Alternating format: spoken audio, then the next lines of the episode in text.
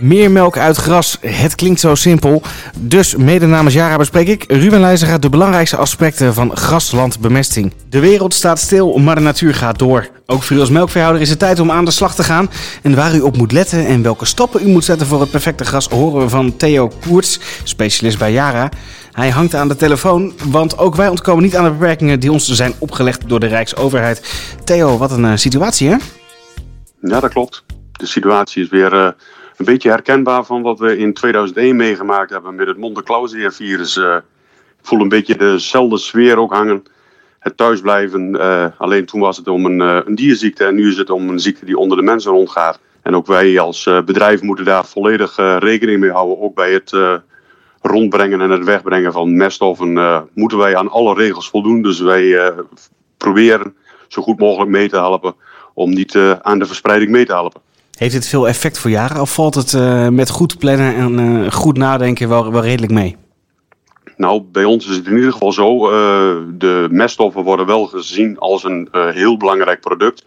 Dus er is ook besloten dat aan de grenzen bij transport de controles niet zo streng zullen zijn. Dus ze mogen vrijelijk doorrijden. Dus waarschijnlijk qua logistiek ziet het er in ieder geval heel goed uit. Dus dat we het mooi op de plek kunnen krijgen.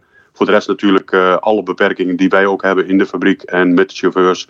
En uh, natuurlijk de buitendienst ook, die mag niet uh, de boer op. Dus dat, dat verandert wel. Dat is ja. een hele andere situatie. Ja, en toch jammer, want ja, de boeren opgaan, de regen is voorbij. Het is eind maart. als ik hier naar buiten kijk, is de lucht strak blauw. Dus ik zeg, ja, hup het land erop en bemest maar. Ja, dat klopt. Dit is, de, het is ook gaande. De, de, de, de mensen zijn ook bezig. de, de, de start is gemaakt. Vooral op de drogere percelen. De mensen die ook heel vroeg hebben kunnen rijden uh, wat drijfmest hebben kunnen rijden, die hebben daar toch een heel mooi begin aan kunnen maken. Daar zie je ook dat het, uh, de percelen mooi groen worden. Uh, nu is het gewoon goed kijken naar je percelen. Wat is er aan de hand en welke percelen kun je als eerste pakken. En natuurlijk ook bepalen wat voor volgorde je gaat doen. Dus waar begin je mee? Begin je met drijfmest? Is het droog genoeg? Het liefst natuurlijk met drijfmest beginnen. Is dat niet zo, kun je altijd kiezen om gewoon met kunstmest te beginnen. En als ik nou met de drijfmest begin, waar moet ik dan uh, vooral rekening mee houden?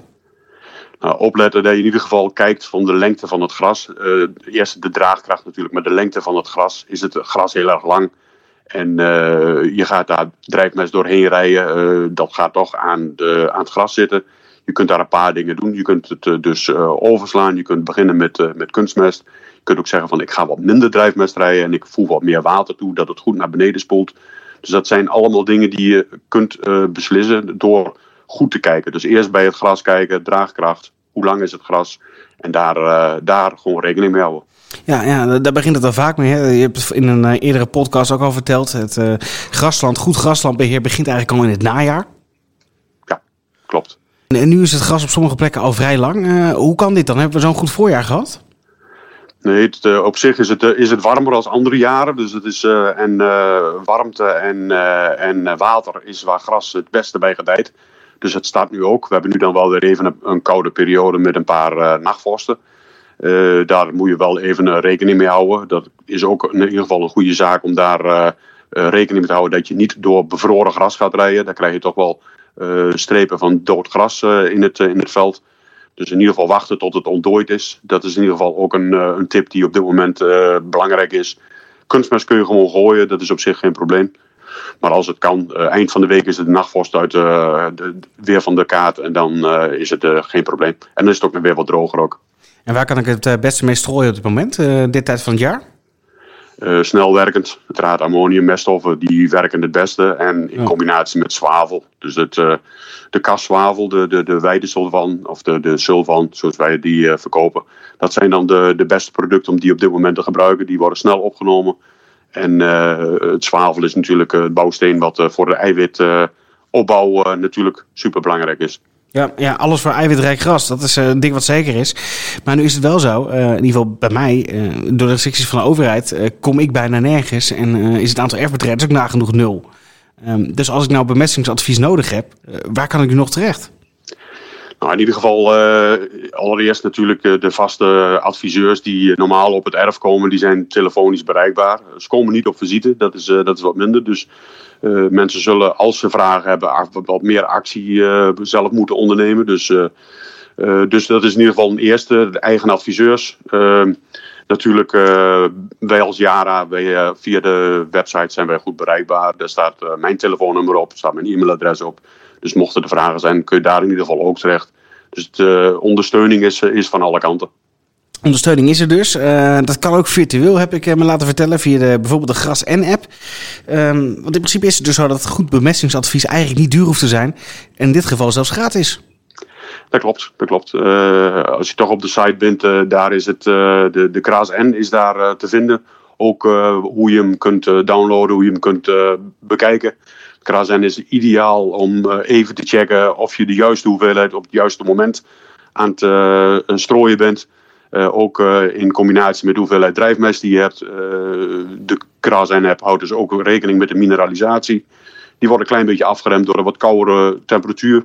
Dus om even te checken van zit ik nog steeds op de goede weg, dan is de KRAS-N een super ondersteuning. Ja, en het begint eigenlijk allemaal voordat je überhaupt iets gaat doen. Ga het land in, ga kijken hoe staat het gras erbij, hoe is de bodem, kan ik dit persoon gaan rijden, ja of nee? Moet ik eerst voor drijfmest gaan, misschien toch een stukje minder? Of direct beginnen met kunstmest? Klopt. Klopt, dat is de juiste volgorde. En met de Kraas heb nog even ter ondersteuning kijken of de, de juiste keuzes gemaakt zijn. Of die keuzes nog eventueel bijgesteld moeten worden. Dus ook nog een keuze om te zeggen van nou, ik ga in plaats van een volledige snede, omdat ik wat minder drijfmest heb gereden, een wat lichte snede oogsten en voor de tweede snede wat zwaarder bemesten. Dat zijn dan keuzes om over na te denken. En uh, zoekt men daar hulp bij, eh, kan men de adviseur bellen of natuurlijk mij bellen of e-mail sturen. Duidelijk. Een goed begin is het halve werk, zullen we maar zeggen, Theo. Bedankt voor jouw bijdrage. Graag tot een volgende. En uh, voor de luisteraar, voor meer podcasts over bemestingsadvies, open uw favoriete podcast-app en zoek dan even op Yara Benelux. En kijk ook voor de Gras N-app in uw store op uw telefoon. En voor nu wens ik u veel luisterplezier bij de volgende Yara podcast.